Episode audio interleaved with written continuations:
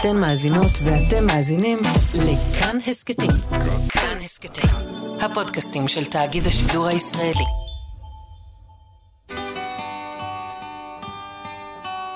בלוקבאסטר עם זוהר אורבך.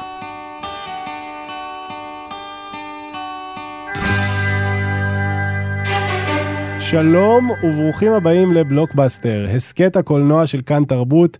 אני זוהר אורבך, קולנוע זה כנראה הדבר היחיד שאני באמת מבין בו. היום אנחנו עם שמי זרחין, איש שכבר למעלה מ-30 שנה עושה את הבלתי אפשרי. מביים סרטים מצליחים במדינת ישראל. ב-1995 פרץ עם ליל השדה, כנראה הסרט הישראלי היחיד שמתרכז בחוויה הישראלית המלחיצה שהיא ליל סדר עם המשפחה המורחבת, ומאז, בממוצע, אחת לארבע שנים הוא מוציא סרט, והקהל כמעט תמיד בא בהמוניו. בין אם כדי לספור את הכוכבים של שלומי, כדי לשמוע את המילים הטובות, או כדי להיזכר שהעולם מצחיק. זה אמור להיות מובן מאליו בתעשיית קולנוע סטנדרטית, אבל בארץ זה עדיין הישג די משוגע. אותי שמי שבה בשנת 2006.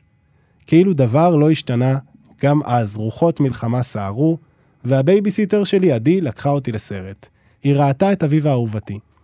וכבר אז, כשהייתי בסך הכל בן עשר, הסרט הזה התמקם לי בתוך הלב וסירב לעזוב.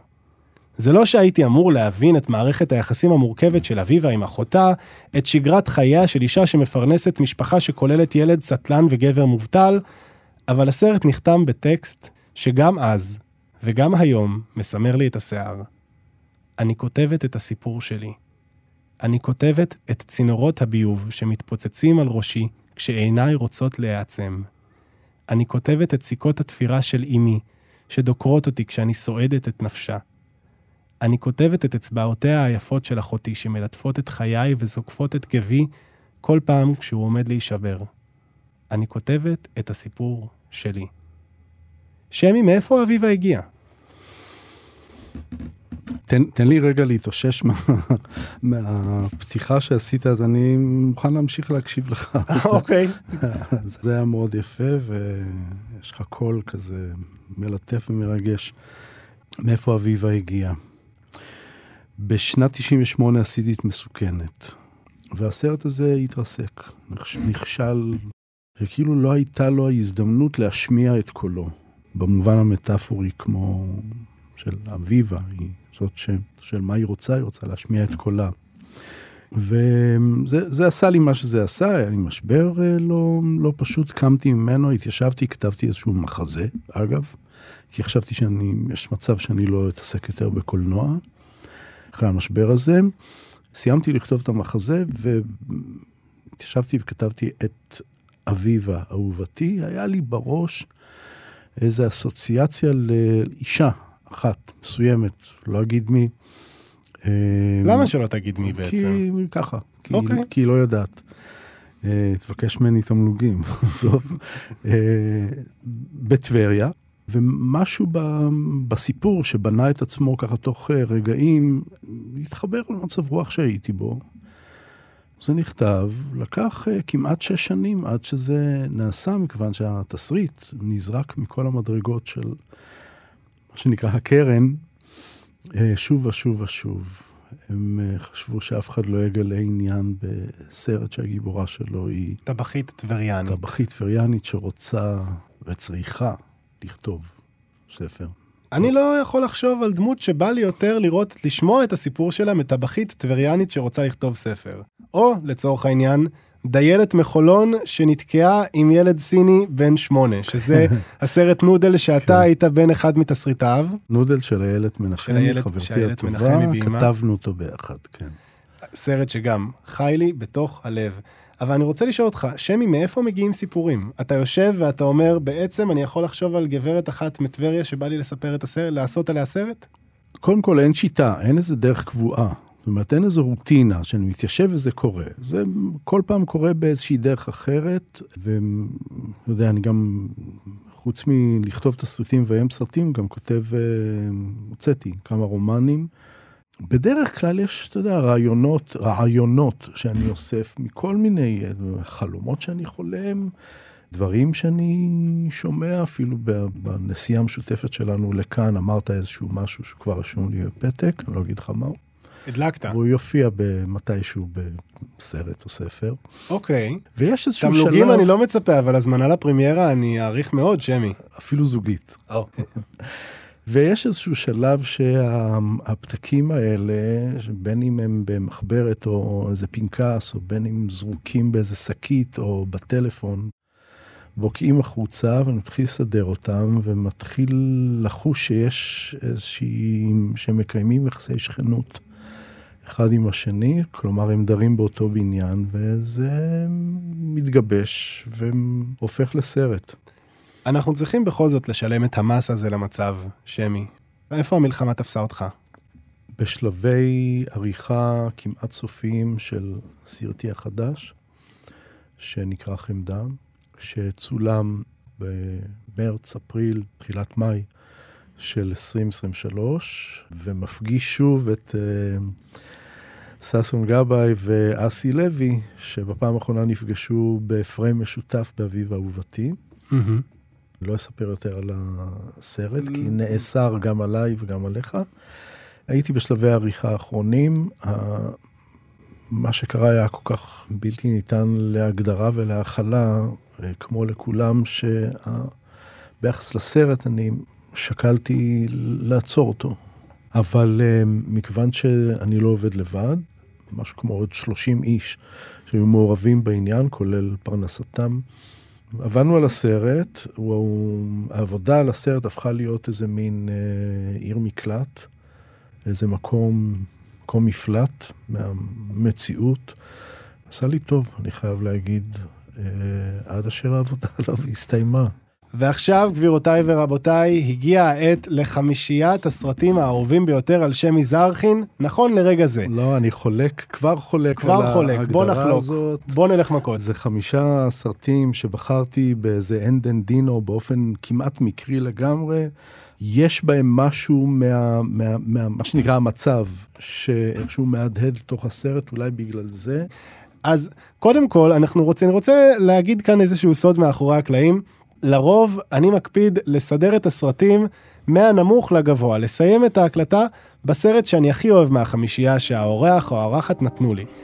הפעם שמי התעקש, התעקש לביים אותי, ואני, מה, קטונתי, ברור שאני אתן לשמי זרחין הגדול לביים אותי, כי מי אני בכלל? אנחנו נתחיל הפעם בסרט האהוב עליי ביותר מהחמישייה של שמי, אנחנו עכשיו עם חומות של תקווה, שביים פרנק דרבונט בשנת 1994. תעשה לנו חום ותשאיר אותנו עם תקווה. שמי, מה זה חומות של תקווה בשבילך? זה הסרט היחיד שראיתי חמש פעמים רצוף, אחת אחרי השנייה. באותו היום? באותו היום. זה סרט של שעתיים ועשרים דקות. Mm-hmm. כלומר, יום עבודה שלם הוצאת על, אה, יותר מיום עבודה שלם בעצם, mm-hmm. על רד ועל אנדי. כן. אנחנו עם אנדי דופריין, בנקאי עפרפר שיום אחד מושלך לכלא אחרי שנמצא אשם ברצח אשתו והמאהב שלה. הכלא שושנק הוא מקום קשוח עם אסירים בריוניים וסוהרים אכזריים, אבל אחרי שנתיים של התעללות בלתי פוסקת, אנדי מצליח למצוא יותר ויותר חברים ובראשם רד, אסיר חכם, ערמומי וטוב לב שנהיה לבן הברית שלו. ומה שמתחיל כסיפור כלא מדמם, ממשיך ונהיה לאחד הסרטים הכי יפים שהוליווד עשתה על גאולה, חברות וחופש. עקרונית, אין מי שלא ראה את חומות של תקווה, ויותר מזה אני אגיד לך, אתה כמובן, כמובן חשוף לאתר IMDB, שהוא בגדול בסיס הנתונים הכי חזק שיש לקולנוע באינטרנט, ובאתר הזה יש את משאל הסרטים האהובים ביותר אי פעם, שהוא כנראה המשאל הכי מדויק ככל שזה נוגע לטעם הקהל, שמנסה לבחון מהם הסרטים האהובים ביותר, וחומות של תקווה כבר קרוב ל-16 שנה נמצא במקום הראשון. הלכה למעשה, אנחנו עומדים לדבר עכשיו, לראשונה בתולדות הפודקאסט, על משהו כנראה אובייקטיבית הסרט הכי פופולרי אי פעם. קודם כל, חומות של תקווה הוא סרט שברגע שהוא נעשה, הוא נעשה כמה שנקרא סרט קלאסי.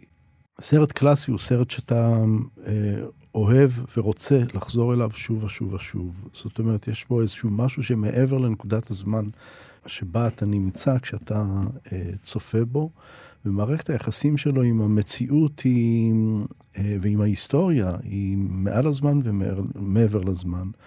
אני למשל בימים אלה מתנחם ב... זה, זה סרט שראיתי מאז המלחמה, כי...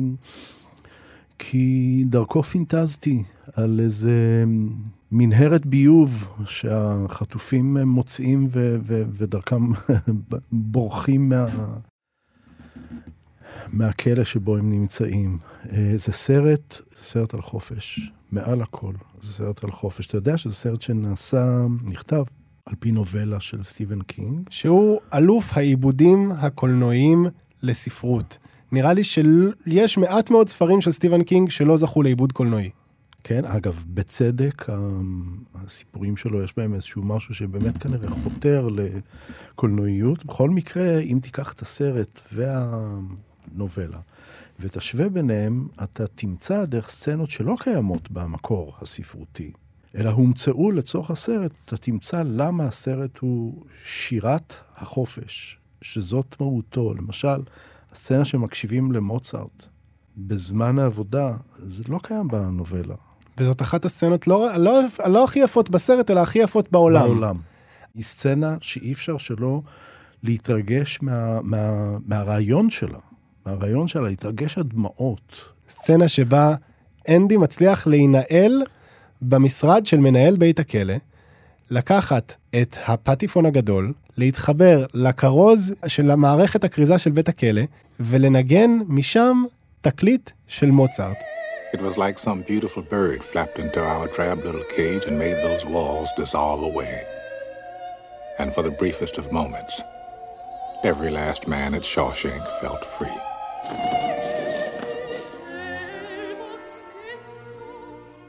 זה לא קורה במשרד, זה קורה בספרייה, בספרייה של בית הכלא, וזה משמעותי נורא.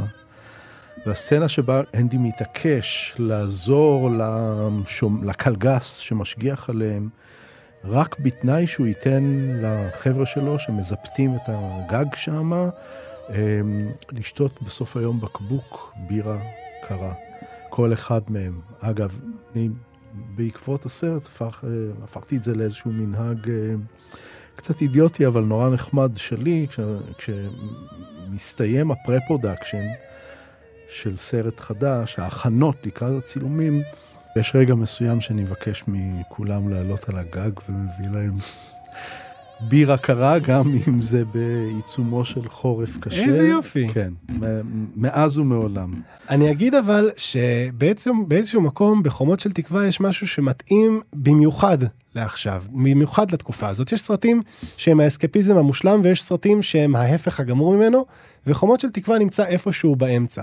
ברגע הכי יפה בסרט, בעיניי, אנדי יושב עם אסיר מבוגר בארוחת צהריים, והוא מוצא בארוחת הצהריים שלו תולעת, וזה אמור להיות מעורר בחילה, הרי. למה, מה התולעת הזאת עושה במנה שלי? והאסיר מבקש ממנו את התולעת. האסיר מבקש את התולעת. Are you, are you going to eat that?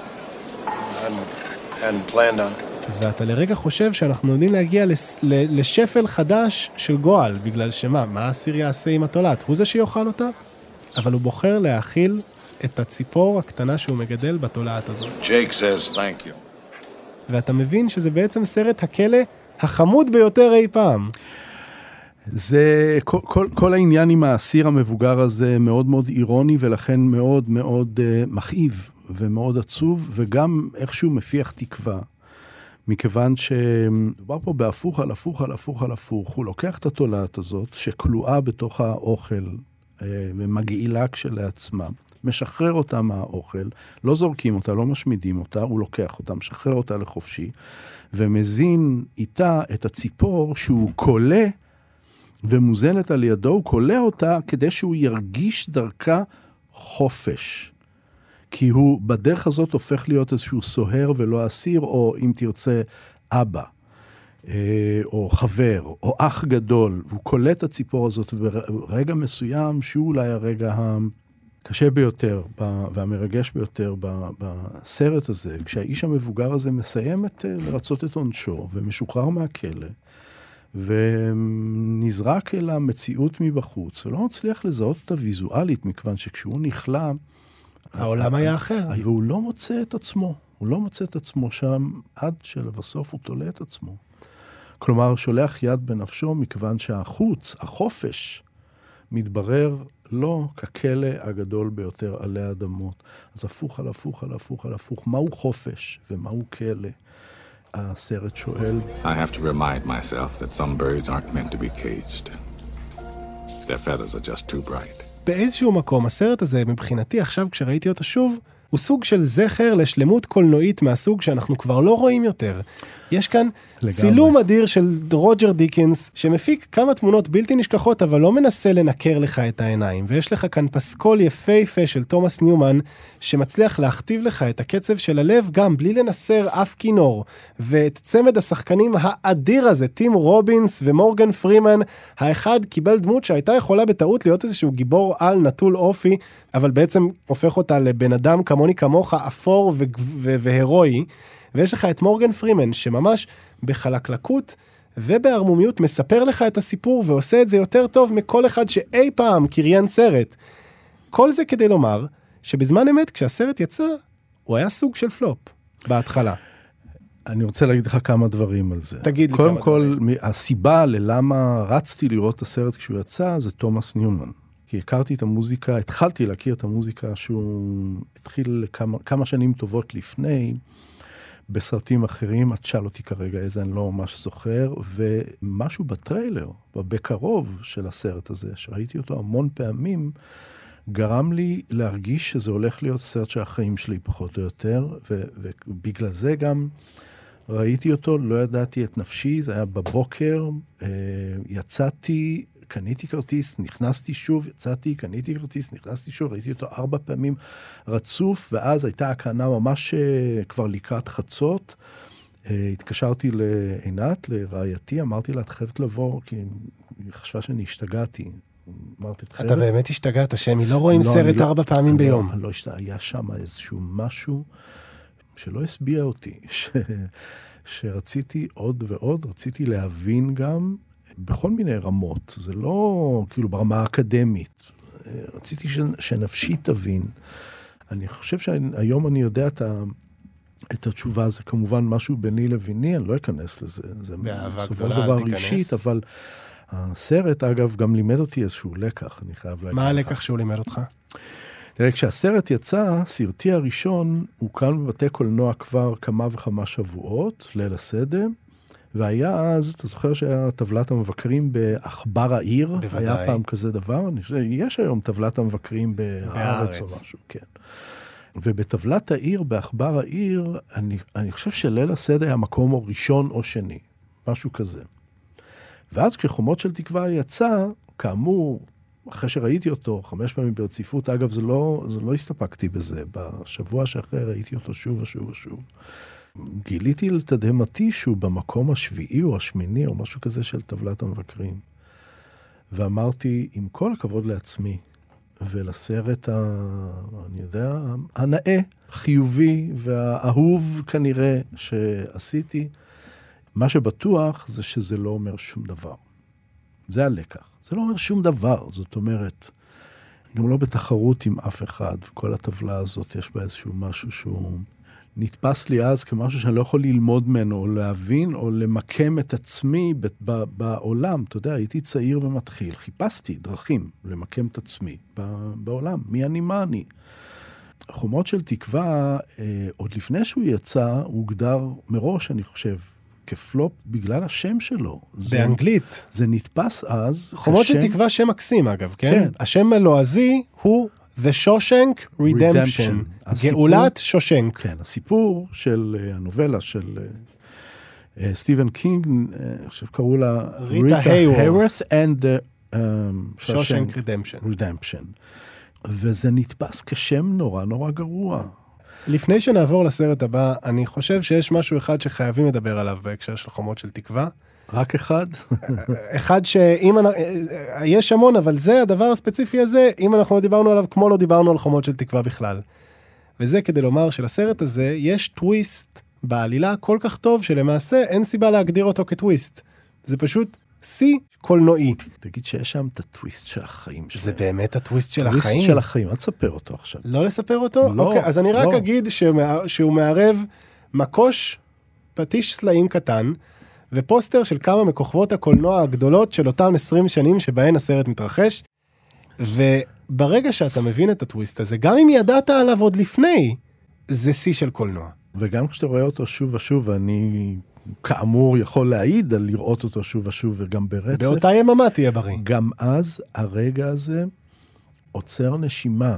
זה לא בגלל הגילוי העלילתי, זה לא בגלל האינפורמציה שלא ידעת ועכשיו מתחבר לך, בספרות קוראים לזה תבנות חוזר לאחור או משהו כזה. זאת אומרת, חשבת שזה ככה, אבל זה לא ככה, זה בעצם אחרת. זה לא האינפורמציה, אלא המשמעות של, ה, של הגילוי הזה. זה איזשהו משהו שמגדיר מחדש את עוצמות הנפש והיצירתיות והיכולת והשאיפה לחופש של האדם באשר הוא אדם. זה אולי אחד מהסרטים הכי הומניים והומניסטיים שאי פעם נעשו. וזה כל מה שאנחנו צריכים עכשיו, גם ובמיוחד כשהסרט הזה קשה.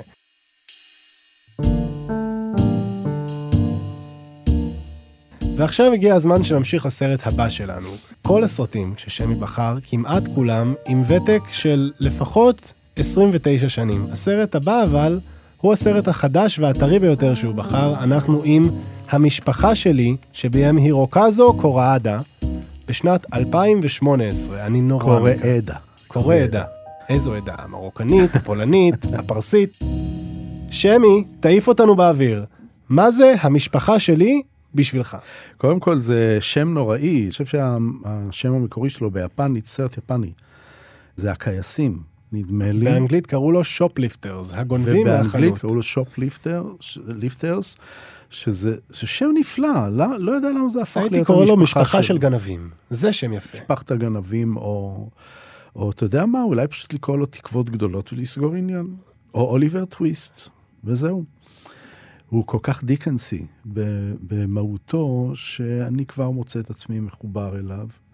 זה סרט שעושה משהו אה, שהוא בעיניי ביטוי לאהבת אדם והומניות גדולה. הוא לוקח אנשים טובים שעושים מעשים שליליים בלית ברירה, ודרכם קורע את ליבנו. בפאתי טוקיו חיה משפחה שהיא לא באמת משפחה. בעל ואישה שמגדלים ילדים שאינם באמת ילדיהם, חיים בבית ששייך לאישה מבוגרת שאינה האימא שלהם, ולפרנסתם הם גונבים מחנויות. מבחינתם כל מה שלא נרכש עדיין לא שייך לאף אחד. ויום אחד, אב המשפחה והילד, שאינו הילד שלו, נתקלים בילדה קטנה, בסך הכל בת חמש. יש לה הורים, אבל אנחנו יודעים שהיא לא תחסר להם, היא מוכה והיא מוזנחת, והמשפחה בוחרת לאמץ אותה. זה לא באמת רעיון טוב, אבל כולם באמת פועלים פה רק מאהבה. אתה בעצם אה, ניסחת באיזה דרך את המכנה המשותף של כל הדברים האלה. האנשים האלה אה, הופכים את האין ליש באיזושהי דרך. כלומר, גם הדברים שהם גונבים, אמרת בעצמך, הם לא שייכים להם, הם הופכים אותם להיות של, שלהם. זאת אומרת, הם גונבים חיים. אגב, הם חיים במקום ששייך למישהי שממשיכה לקבל אה, ביטוח לאומי או איזה מין משהו כזה. את הפנסיה של בעלה. כן, את הפנסיה, אבל היא, היא קבורה עמוק מתחת לרצפה. היא לא בחיים בכלל. אבל כל העולם חושב שהיא בחיים, ולכן הם ממשיכים לקבל את הפנסיה שלה. כלומר, הם ניזונים מהחיים שלה, אבל החיים שלה כבר לא קיימים. אבל תגיד לי, למה בעצם באמת הסרט הזה בעיניך מספיק טוב כדי שנדבר עליו באותה, בקנה אחד יחד עם חומות של תקווה ועוד שאר שלושת הסרטים אה, שנדבר עליהם בהמשך? טוב, אנחנו צריכים עכשיו לדבר על מה זה טוב. מה זה טוב? אוקיי? מה זה טוב? אה, האם טוב זה פשוט משהו שאתה נורא נורא אוהב, ואתה אולי לפחות בהתחלה לא כל כך יודע למה, הוא טוב לך. האם טוב זה משהו שעונה על איזה צורך נרקיסיסטי של כולנו או רובנו, שיש איזשהו משהו בסרט שנורא דומה לנו, או משקף אותנו, או מזכיר לנו את עצמנו, או איזה מין השתקפות כזה, עד כדי כך שאנחנו יכולים להגיד, אה, ah, זה שלי בעצם. אה, לכייס את הסרט. אה, והאם טוב הוא, אתה יודע, הגדרה אתית, מוסרית. והסרט הזה הוא פשוט טוב במובן הזה, במובן שהוא מגדיר באופן מרגש, עמוק, מורכב, אה, יוצא דופן, מפתיע, בלתי נשכח בעיניי, מה זה טוב בבני אדם. ובתכלס, במובן הזה, איך אפשר ליצור קונפליקט? איך אפשר ליצור דרמה אמיתית מסרט שבו כל הדמויות פשוט אוהבות אחת את השנייה נורא? איך, איך אפשר לעשות כזה דבר? הרי עקרונית, בשביל קונפליקט צריך שמישהו יתנגד למשהו. אם כולם פה טובים וכולם פה נחמדים, אז איך יש קונפליקט? אמ, כנראה שאתה טועה בהגדרה שלך, שכדי שיהיה צריך ככה וככה. אתה יודע, זה כאילו חוקי הדרמה, ואני רוצה להזכיר לך שהקולנוע, יש בו מימד דרמטי, אבל הוא לא דרמה. דרמה זה תיאטרון. אתה כאילו מביא כל מיני כללים או חוקים או את, טבעה, טבע המדיום התיאטרוני, דברים שבאים מה, מהדרמטורגיה. הקולנוע הוא הרבה יותר אפי, הרבה יותר קרוב לספרות ולמוזיקה מאשר אה, לתיאטרון, ולכן הדבר המרכזי, המשמעותי בו, זה המשמעות של הזמן העובר, כלומר הסיפור, ולא הקונפליקט, ולא המאבק. יש מאבק, אבל המאבקים או המימד הדרמ, הדרמי או הדרמטית בקולנוע הוא אמצעי, הוא לא המטרה. ולכן אתה יכול למצוא אה, סרטים כאלה. אתה יודע, אני עונה על השאלה הזאת הרבה, הרבה פעמים ביחס לסרטים שלי. מי האיש הרע? מי הבד גיא? אין בד גיא. אין בד גיא, אין. כולם טובים, חלקם עושים מעשים שליליים בלית ברירה, מכיוון שהמציאות לא מקבלת אותם, או מכריחה אותם לעשות דברים שהם לא, אה, לא רוצים. אתה יודע, המעשה הוא שלילי. הכוונה היא לא בהכרח להרע, יש הבדל מאוד מאוד גדול. אם תחשוב על כך שמבנה של סרט לא חייב להכיל את המשבצת הזאת בכלל, אז אה, אולי תגיע למשפחה שלי.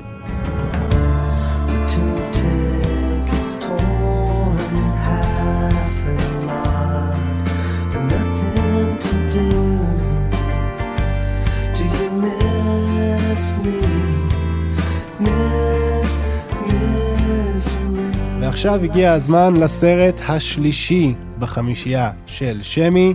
אנחנו עם סיפורו של וויל הנטינג, שביים גס ואן סאנט בשנת 1997. שמי, ספר לנו אותו. מה זה סיפורו של וויל הנטינג בשבילך? בחרתי בו בגלל אה, רובין וויליאמס. מנוחתו עדן. השם ייקום דמו. שמותו, אני, אני אומר לך ברצינות, שבר אותי לגמרי. אני, חלומי הגדול היה לעבוד עם רובין וויליאמס. הוא בעיניי מגלם בהווייתו, באופיו, בפניו, במבנה הפנים שלו, הדברים הכי פיזיים, את uh, כל מה שאני אוהב ב, בבני אדם קולנועים. זאת אומרת, בדמויות, זאת אומרת, בסרטים, מבחינתי.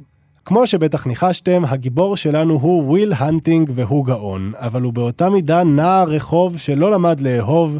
ביום הוא מתפרנס כשרת באוניברסיטת MIT, בצהריים הוא הולך מכות עם תושבי דרום בוסטון שלא באים לו טוב בעין, ובלילות פשוט מסתובב עם החברים. עד שיום אחד, מרצה למתמטיקה מגלה שמסתובב לו מתחת לאף עילוי, שיכול לתת פייט גם לאיינשטיין. הוא מחליט לשלוף את וויל מבית המעצר שאליו הושלך, ולהודיע לו שהוא עומד לקחת אותו תחת חסותו, ולעשות מה שצריך כדי לגרום לו לממש את הפוטנציאל שלו. אבל הוא גם הוסיף תנאי, עליו ללכת לפסיכולוג אחת לשבוע, שיבין מה לעזאזל הבעיה שלו. וכאן מתחיל הסרט. הסיפור שמאחורי וויל הנטינג נהיה למיתולוגיה בפני עצמו בדיוק כמו הסרט, הרי יש לנו את צמד התסריטאים, מאט דיימון ובן אפלק, שגם מככבים בסרט, והם פעלו מתוך השיטה הזאת שאמרו, אם אנחנו לא מקבלים את התפקידים שמגיע לנו לשחק, אם אנחנו לא מקבלים את הטקסטים שיושבים לנו בפה הכי מושלם שאפשר, אנחנו נכתוב אותם בעצמנו. בשלב מסוים מל גיבסון רצה לביים את הסרט הזה, בשלב אחר ליאונרדו דיקפריו היה אמור לככב בסרט הזה. הסרט הזה היה יכול להיות יצירת מופת גם בלעדיהם, אבל הם סירבו, סירבו, סירבו שהתסריט הקטן והיפה הזה שהם כתבו, יהיה שייך למישהו שהוא לא שלהם. שהוא לא הם בעצמם, ואני מעריץ את זה בהם. אני די בהלם ממה שאתה מספר, לא ידעתי את רוב זה. זאת אומרת, ידעתי שהיו כל מיני, אבל לא, לא עד כדי, מל גיבסון לא ידעתי. אני... אסיר תודה שמל כן, גיבסון הרחיק את ידיו האנטישמיות מהסרט המקסים הזה. כן. אני חושב, אה, זה אולי ירגיז אותך שאני אגיד את זה, אני חושב שהסיבה העיקרית היא רובין וויליאמס. הוא מוסיף לסרט איזה, איזה 17 קומות, או יותר נכון, 17 מרתפים. רובין וויליאמס מגלם בסרט את הפסיכולוג שוויל הנטינג הולך אליו. הוא לא משחק פסיכולוג, הוא משחק איש אבל, שאיבד טעם לחייו. אתה יודע, דמות היא לא בן אדם, היא רעיון. הרעיון הוא לעולם רעיון שיש לו ממש סיפורי ו- ודרמטי. באותה מידה הוא היה יכול להיות גם קצין המבחן של, של וויל. אתה יכול להחליף מקצוע, אתה לא יכול להחליף את הסיפור שלו. הסיפור שלו זה שהוא איש אבל. והאופן שבו רובין וויליאמס מגלם את הדבר הזה שנקרא אבל, ושוב, הנה מה שמחבר בין הסרט הזה למה שקורה מסביבנו. אני חושב שזה קצת בגלל שרובין וויליאמס, שהוא כידוע, בטח למי ששמע את הפרק שלנו עם יאיר אגמון, שבו דיברנו על אלאדין, רובין וויליאמס הוא אחד האנשים הכי מצחיקים שאי פעם חיו. כן, זה, זה ברור לגמרי, אבל אתה יודע, הוא ההגדרה המוחלטת של מה שנקרא ליצן עצוב. אתה יכול לעשות uh, טסט, אני עושה את זה, עשיתי את זה בשיעורים תלמידים שלי. קח תמונה של הפנים שלו, קלוז-אפ שלו מחייך, תסתיר את החלק התחתון, אתה תקבל איש בוכה, תסתיר את החלק העליון, אתה תקבל איש צוחק. זה ממש ככה, הוא כאילו הליצן העצוב הקלאסי. ולכן זה ברור לגמרי, בכל רגע ורגע, שכל התפרעות שלו, אפילו בתפקיד הג'יני באלאדין, באה מתוך כאב. וזה מה שלמדנו כעבור המון שנים, כשבשנת 2014 הוא שם קץ לחייו בעקבות התמודדות עם מחלת הדיכאון. ובאמת, בוויל הנטינג אנחנו רואים את, ה, את תזת הליצן העצוב שלך הכי טוב, בגלל שהוא כל כך מצחיק בסרט הזה, וזה כל כך כואב כמה שהוא מצחיק, בטח כשהוא למשל נושא מונולוג שלם על אשתו המנוחה, ומספר איך היא הייתה מפליצה המון.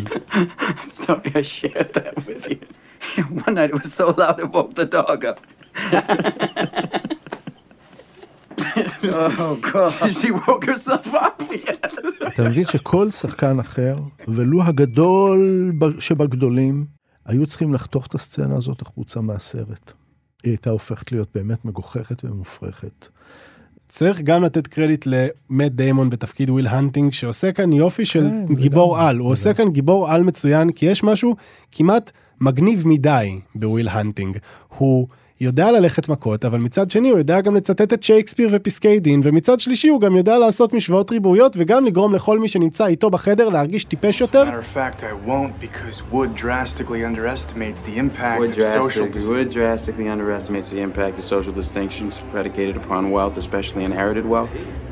You got that from Vickers. Work in Essex County, page 98, right?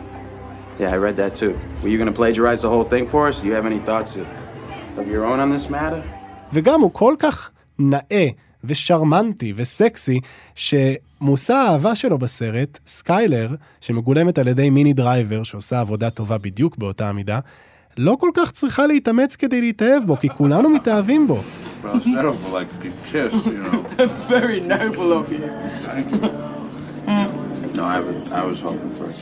אבל הוא לא מתאהב בעצמו, הוא לא אוהב את עצמו. אתה רואה בן אדם שרע לו, שכואב, ש, שמבורך בהרבה יותר שנאה עצמית מאשר ביכולות, ויש לו באמת יכולות מכאן על הודעה חדשה.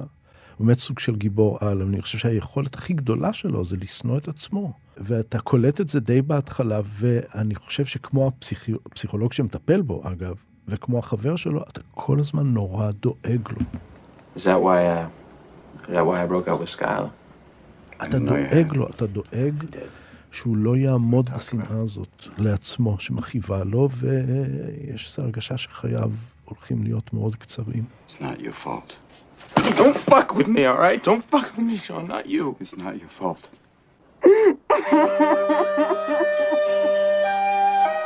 אנחנו בסרט הלפני האחרון בחמישייה של שמי, ואולי הנערץ ביותר מתוכה, פאני ואלכסנדר, ואנחנו בפעם הראשונה שלנו עם אחד מגדול במאי הקולנוע אי פעם, אינגמר ברגמן, שיצא בשנת 1982.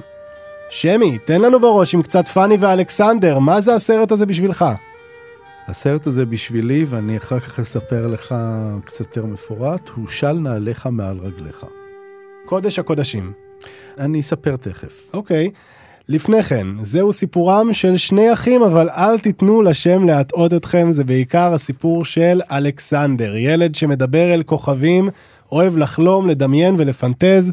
הוא ואחותו, פאני, באו ממשפחה של אנשי תיאטרון עמידים, ולא חסר עניין אצלם בארוחות שישי, עד שיום אחד אבא שלהם התמוטט ומת. ובתגובה, אלכסנדר אלכסנדר הופך לילד רע, מקלל, משקר, ואימא שלהם, עדיין צעירה ויפה, מוצאת בישופ קשוח ולא עני, ומחליטה להתחתן איתו כדי שחלילה לא תישאר לבד.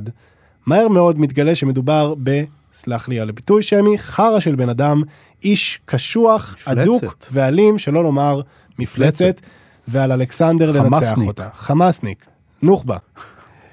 כשנשאלת השאלה מיהו הבמאי הטוב ביותר אי פעם, לעיתים קרובות מביני עניין יענו לך אינגמר ברגמן, והמון מהם נשבעים שפאני ואלכסנדר הוא הסרט הכי טוב שלו.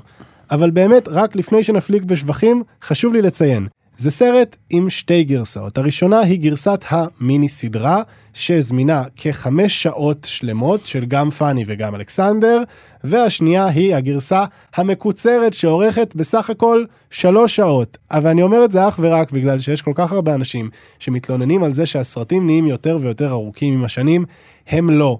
הם תמיד היו ארוכים, זה תמיד היה משימה תובענית, לפעמים היא הייתה יותר תובענית מסרטים אחרים, אוקיי? אני, לפרנסתי, ראיתי השבוע סרט של שלוש שעות, ויצאתי בזול כי יכולתי גם לראות בחמש. שמי, שאל נעליך, תסביר לי, למה זה קודש הקודשים? Uh, הסרט הזה יצא ב-1982, אני חושב שלארץ הוא הגיע, לא חושב, אני יודע, ב-1983, אני הייתי uh, סטודנט לקולנוע באוניברסיטת תל אביב, בחוג לקולנוע באוניברסיטת תל אביב, ו- ובקרב החבר'ה, הסטודנטים, uh, ברגמן היה מאוד במאי של המורים, לא של התלמידים. כאילו הגישה הייתה, זה משעמם, זה מיושן, זה הסוריאליזם הזה, והאיש הזה עם ה... שמגלם את המוות, ולשחק שחמט מול... הייתה בנו איזה מין, ממש זלזול באיש ובפועלו ובסרטים שלו, שחלקם כפו עלינו לראות, ואתה יודע, לנתח ו... וכאלה, והיה איזה... אנחנו מצאנו את המרד שלנו ב... בלהגיד, סליחה, פולנסקי, סליחה, שפילברג, סליחה, וודי אלן, וודי אלן של אה, אז, סליחה, מל ברוקס, ואיתן גרין, מורי ורבי. גם מורי וגם רבי, דרך אגב. היה מורה שלנו באותה תקופה, והיה אז איזה, איזה ערב שבאנו אליו הביתה כדי לדבר על איזשהו תסריט, היה איזשהו משהו לימודי. ודיברנו בחופשיות על אה, ברגמן, ואז הוא אמר לנו, חבר'ה, של נעליך מעל רגליך. והוא אמר, הולך לעלות סרט חדש של ברגמן. אני ראיתי אותו. לכו לראות. ובאמת, שבוע אחרי זה, עלה פאני ואלכסנדר בקולנוע צפון בתל אביב, שזה קולנוע גדול עם מסך ענק, אני חושב שהקרינו סרטים שם ב-75 מילימטר. וכן, גם את הסרט הזה ראיתי יותר מפעם אחת רצוף, לא חמש פעמים, כמו חומות של תקווה, אה, והלסת נשמטה. למה? כי גיליתי כמה אוויל הייתי באופן שבו תפסתי את סרטיו הקודמים, והפכתי אותם ל... והפכתי את התפיסה הזאת לאיזשהו משהו שקולע הכל. למשל, הייתי בשוק משמחת החיים שיש בסרט הזה, וזה סרט עם סיפור קשה. שמחת חיים כמעט ריקודית, מהאנרגיה המתפרצת שלו, מזה שהוא לא מאופק. אבל מה, מה הופך את הקולנוע של אינגמר ברגמן למשהו שהצופה הממוצע יכול לעוף עליו באוויר? אני, אני לא, לא יודע ביחס לסרטים אחרים, אני לא, לא תמיד יודע למה. כן, אתה יכול למצוא גם פה משהו דיקנסי, משהו ילד שהוא יתום, שהוא מתמודד עם אב חורג, מתמודד עם אימא שבעצמה מתמודדת עם האב החורג הזה. זאת, זאת אגדה. אגדה אתה מתכוון לזה שיש בזה איזשהו משהו קצת אה, גדול, ממש. גדול מהחיים. וקסום. ו- וקסום, וטיפה חותר אל המיתולוגי, אה, וזה אני נורא אוהב. זה אני נורא אוהב. אז אני אגיד לך מה, כשאני, זה בסך הכל הסרט השלישי שראיתי מאינגמר ברגמן, ולמרות שנורא נורא כיף לי להסתכל על פרות קדושות ולעשות עליהן צחוקים, מאינגמר ברגמן לא דחוף לי לעשות צחוקים, בין השאר כי הוא באמת במאי מאוד גדול. כאן אני חושב שמה ששמתי לב אליו זה הציוריות של כל דימוי, של כל שוט. אבל בניגוד לאותם ציורים קלאסיים, לקומפוזיציות האלה יש משמעות דרמטית, יש משמעות עלילתית. יש אגיד, סיבה שנתעכב על השוטים זה, האלה. זה לא, אני אגיד לך למה. קולנוע אינו ציור. מה שקורה בפאני ואלכסנדר, ובכלל הסרטים של ברגמן, ודאי בסרט הזה, זה שזה נכון, יש משהו, איזה ערך ציורי לפריים, לשוט, אבל אתה מרגיש בתוכו חיים, הוא חי, הוא נושם, הוא מתנועע. זה, זה משהו במיזנסצנה שם, בתנועה של הדמויות, אפילו בתנועה של תווי הפנים שלהם. הם חיים, הם לא מגלמים מקום בקומפוזיציה.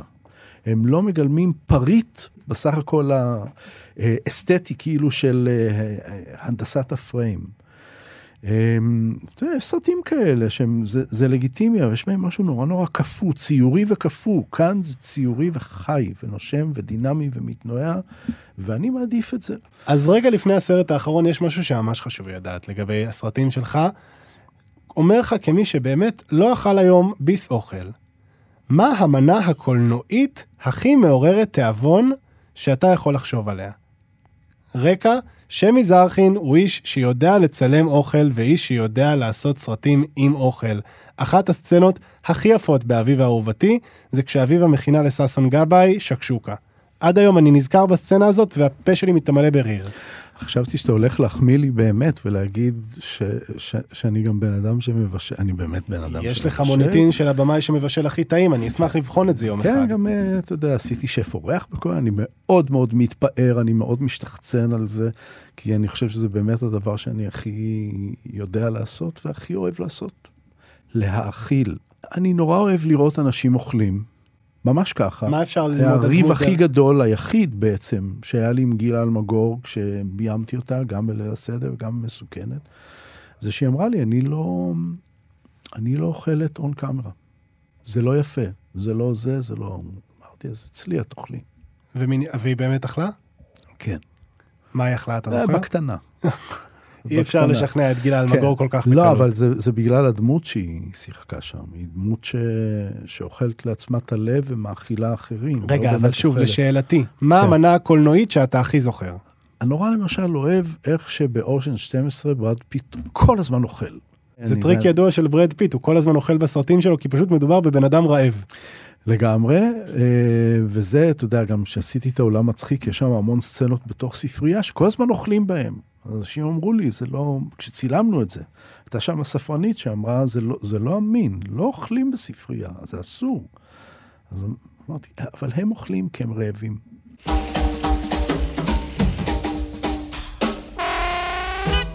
ועכשיו אנחנו בדרכנו לסרט הבא. למה לשבת בבית לבד? החצוצרה קורית כי כל החיים הם קברט, שביים בוב פוסי בשנת 1972. שמי, מה זה קברט בשבילך? נגיד ככה, זה המורה לקולנוע הכי משמעותי וטוב שהיה לי. השנה היא 1931, והמקום הוא ברלין. הראש היהודי שלנו יודע שזה לא יכול להיגמר טוב, אבל הרגליים והלב משתכנעים שהכל יהיה בסדר, כי אנחנו במועדון הקיטקט, אז קברט סליזי ומושחת, והיום, בכנות הוא לא יותר טוב מזה. זהו סיפורו של בריאן, אקדמאי בריטי מעוגן, שעדיין לא החליט אם הוא מעדיף בנים או בנות, ושל סלי, זמרת קברטים עם תסביכי אב, שמחליטה לעבור לגור איתו. האהבה ביניהם לא בדיוק מלבלבת, אבל סלי נכנסת להיריון, היא עדיין לא יודעת מי האבא, ובריין מחליט לקחת עליה אחריות ועל המשפחה שהם יכולים להקים, וכל זה בזמן שהעם הגרמני עומד לעשות את הטעות החמורה ביותר שאיזשהו עם אי פעם עשה. קודם כל, לשים את זה על השולחן, קברט הוא אחד ממחזות הזמר הכי גדולים בתולדות הקולנוע, וגם בתולדות התיאטרון. ובשבילי, זה מספיק. המיוזיקל זה ז'אנר שעדיין לא הגיע כל כך לפודקאסט שלנו. התחלנו עם נועה קולר בלהקה, יאיר אגמון הביא את אלאדין, חוץ מזה לא קיבלנו המון musicals. חבל שלא אמרת קודם, הייתי בוחר רק musicals. ח... אני לרוב לא אוהב להשפיע על הבחירות של האורחים שלי, אני רק מציע הצעות לפעמים, אבל תודה רבה לך על זה, שמי, כי מחזות זמר, יש משהו כל כך קולנועי בז'אנר הזה. לגמרי. זה, הרי באופן כללי, כשאנחנו שומעים מוזיקה, הלב שלנו נפתח. וכשיש מוזיקה בקולנוע, כשיש מוזיקה בסרט, הלב שלנו בכלל שר ורוקד יחד איתו. וזה פשוט מסוג הדברים שעבורי אישית הם הסיבה שיש קולנוע מלכתחילה. כל סרט הוא עולם, וכל סרט שמצליח ליצור עולם יותר ספציפי ויותר חי, הוא בעצם כנראה סרט יותר טוב. וכאן, בקברט, כל נאמבר מוזיקלי הוא עולם, והנאמברים האלה, בין אם הם היו אפלים יותר משהיה עד אז או מאז, זה לא משנה, כי הם פשוט עד כדי כך טובים. זאת שליטה מושלמת בצילום, בעריכה, והכי חשוב, במבצעת. וזה הזמן לומר, הקשר של בוב פוסי עם הכוכבת של הסרט, שהיא לייזה מינלי, זה לא שם שאני אומר. לא נרגעים כשאומרים לייזה מינלי, לא אומרים לייזה מינלי. לייזה מינלי בקברט. לייזה מינלי. A tiger is a tiger, not a lamb, mein Herr. אלייזה מינלי, שוב, החיבור, כמו במקרה של רובין וויליאמס, חיבור בינה לבין הדמות.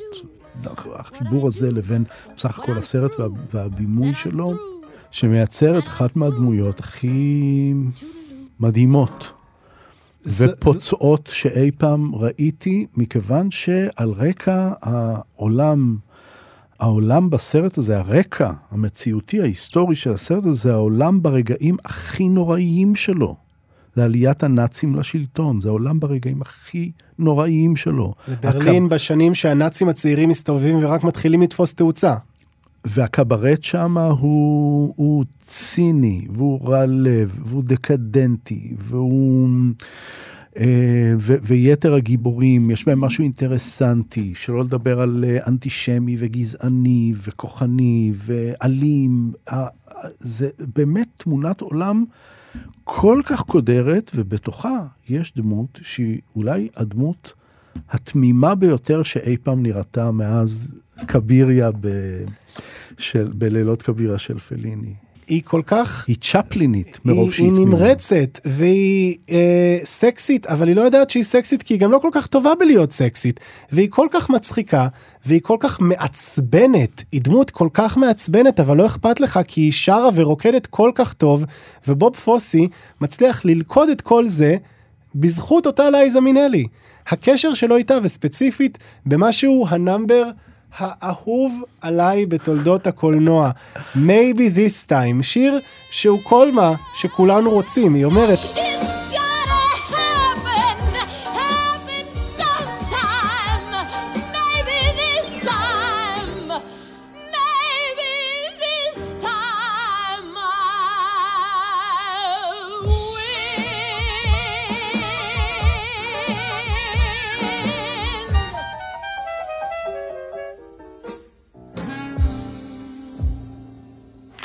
אולי הפעם זה יצליח לי, אולי הפעם הבחור הזה לא יקום וילך, אולי הפעם הוא יישאר כי אני אף פעם לא ניצחתי, וזה רגע שבו המצלמה כמעט מחבקת אותה. רק להגיד שהסרט הזה יצא באותה השנה שבה הסנדק יצא, ושניהם היו בקרב ענקים באוסקר של אותה השנה. ושניהם בעצם יצאו בתיקו, כי הסנדק יצא עם פרס הסרט הטוב ביותר, וקברט בעצם זכה בכל השאר. הבמאי, השחקנית, שחקן המשנה, ועוד המון פרסים של קטגוריות המלאכה. ואני נורא אוהב את זה שהסנדק כאילו המשיך משם להיות הסרט הטוב ביותר אי פעם. את קברט אימצו ההומואים, ושמי, כן? את קברט אימצו ההומואים. ועוד הרבה הרבה הרבה אחרים. אתה לא יודע עד כמה זה, אה, מה שאמרת לא נכון ביחס לסנדק. תראה, לסנדק היה סנדק 2 והסנדק 3, זאת אומרת, הוא הפך להיות מין שם דבר, הוא הפך להיות ז'אנר בפני עצמו, גם מאפיה ופשע, שזה גם הדברים ש... קברט כל כך מיוחד, שאיכשהו הוא נשאר בצללים. הוא סרט לא מוכר. כשאנשים רואים אותו, זה לא משנה מה הם או מי הם ועד כמה הם אוהבים את הסנדק, אה, לא ראיתי בן אדם אחד שלא, מעבר לנשבע בקסמו, אלא פשוט נפל מהכיסא. זה באמת סרט כביר. אני רוצה שתיקח אותי לרגע אחד בסט של סרט שלך, שבו אתה נותן לשחקן או לשחקנית איזושהי הוראה, מכריז אקשן, לא צועק, אני כבר הבנתי שאתה לא בן אדם שצועק. אתה מכריז אקשן, ואתה רואה שהשחקן הזה נתן את הטייק הגדול, שהוא הביא את מה שרצית. קח אותי לרגע.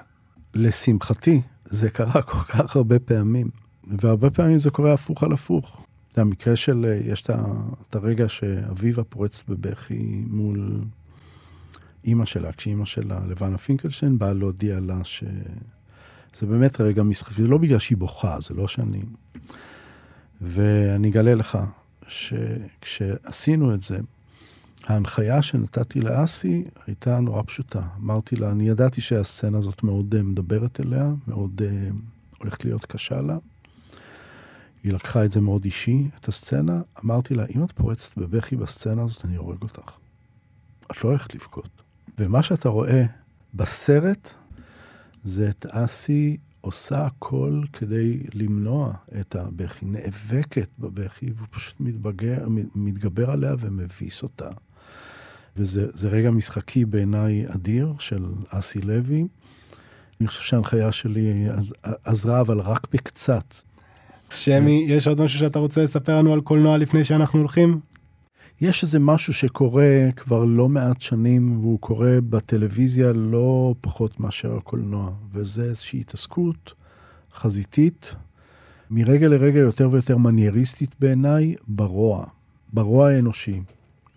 חלק מהאירועים האלה, הקולנועים טלוויזיוניים, הם, הם, הם אדירים, הם מדהימים. אה, הסופרנוס, שובר שורות, אתה יודע, כאלה. אבל זה הפך להיות קצת אופנתי. וסרטים וסדרות שהמטרה המוצהרת שלהם היא לגרום לאנשים לאהוב בני אדם, הפכו להיות פחות ופחות ופחות אופנתיים. ואני חייב להגיד לך שזה מצער אותי, ואני חושב שזאת אחת מהסיבות לזה שהקולנוע מאבד, אה, מאבד קהל. אז זה מה שאתה מאחל לנו לאחרי המלחמה, שאנחנו נדע לראות יותר סרטים על אנשים טובים? לראות סרטים שיגרמו לנו לאהוב אנשים מהסיבות הנכונות. לאהוב אנשים מהסיבות הנכונות. תודה רבה לך, שמי. אנחנו בלוקבאסטר. תודה רבה לעורכת שלנו, דניאל מאורר, תודה רבה למפיקה נועה טייב. אנחנו זמינים באתר כאן ובכל יישומוני ההסכתים. נתראה בשבוע הבא, ועד אז, תשמרו על עצמכם.